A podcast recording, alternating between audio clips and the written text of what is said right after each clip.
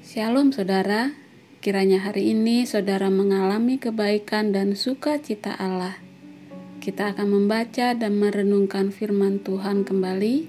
Mari kita berdoa. Ya Tuhan, kami bersyukur kepadamu atas segala kebaikan yang kau sediakan hari ini. Kami mau hidup seturut kehendakmu, bimbinglah kami lewat pembacaan dan perenungan firman-Mu. Dalam Yesus Kristus kami berdoa. Amin. Firman Tuhan hari ini Matius 4 ayat 1. Maka Yesus dibawa oleh roh ke padang gurun untuk dicobai iblis. Pencobaan dan berkat, bagaimana kita meresponinya? Pelayanan Yesus dimulai dengan berkat Roh Kudus saat ia dibaptis, tetapi semakin sering mengalami pengalaman luar biasa dengan Roh Kudus. Pencobaan pun juga mengikutinya. Kemudian Yesus dibawa ke padang gurun oleh Roh untuk dicobai. Pencobaan Yesus dimulai dengan kalimat, "Jika engkau anak Allah." Iblis mencoba Yesus untuk mengungkap identitasnya dan untuk menguji Bapaknya. Kadang-kadang setan datang kepada kita dan berkata, "Jika Anda orang Kristen, maka Anda lebih baik dari orang lain." Atau, "Jika Tuhan mengampuni segala kesalahan, tidak masalah bagaimanapun Anda hidup." Untuk itu, saudara, mari kita menanggapi hal tersebut seperti teladan yang diberikan Yesus. Tuhan Yesus menghadapi tiga pencobaan besar, yaitu pertama, kepuasan instan.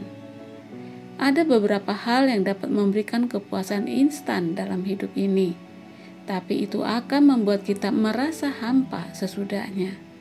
Yesus telah mempersiapkan diri untuk berpuasa selama 40 hari dan 40 malam Kemudian laparlah dia dan datanglah iblis yang mengambil kesempatan mencobainya untuk yang pertama. Jika engkau anak Allah, perintahkanlah supaya batu-batu ini menjadi roti.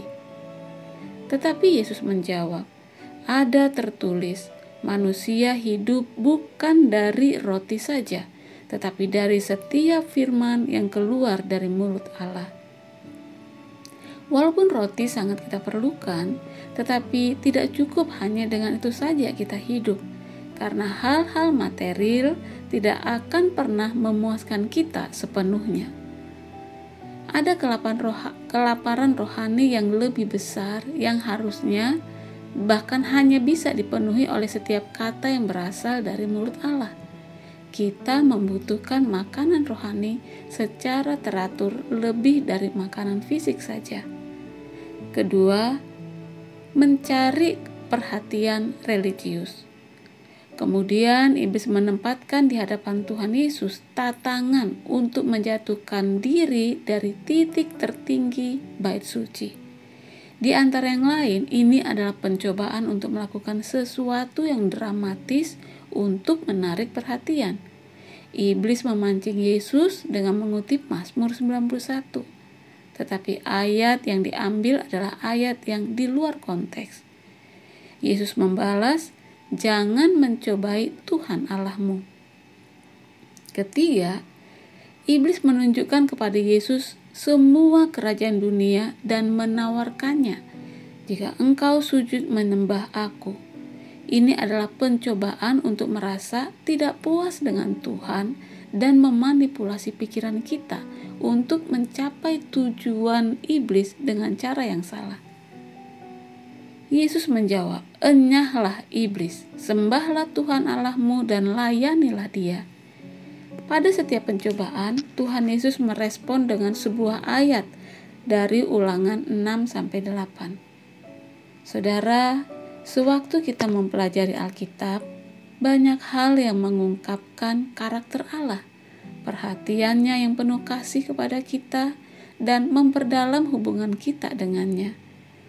Dengan mempelajari Alkitab, maka akan dapat melindungi kita dari tipu muslihat iblis dan menuntun, membantu, memperlengkapi kita untuk menahan godaan ketika pencobaan itu datang.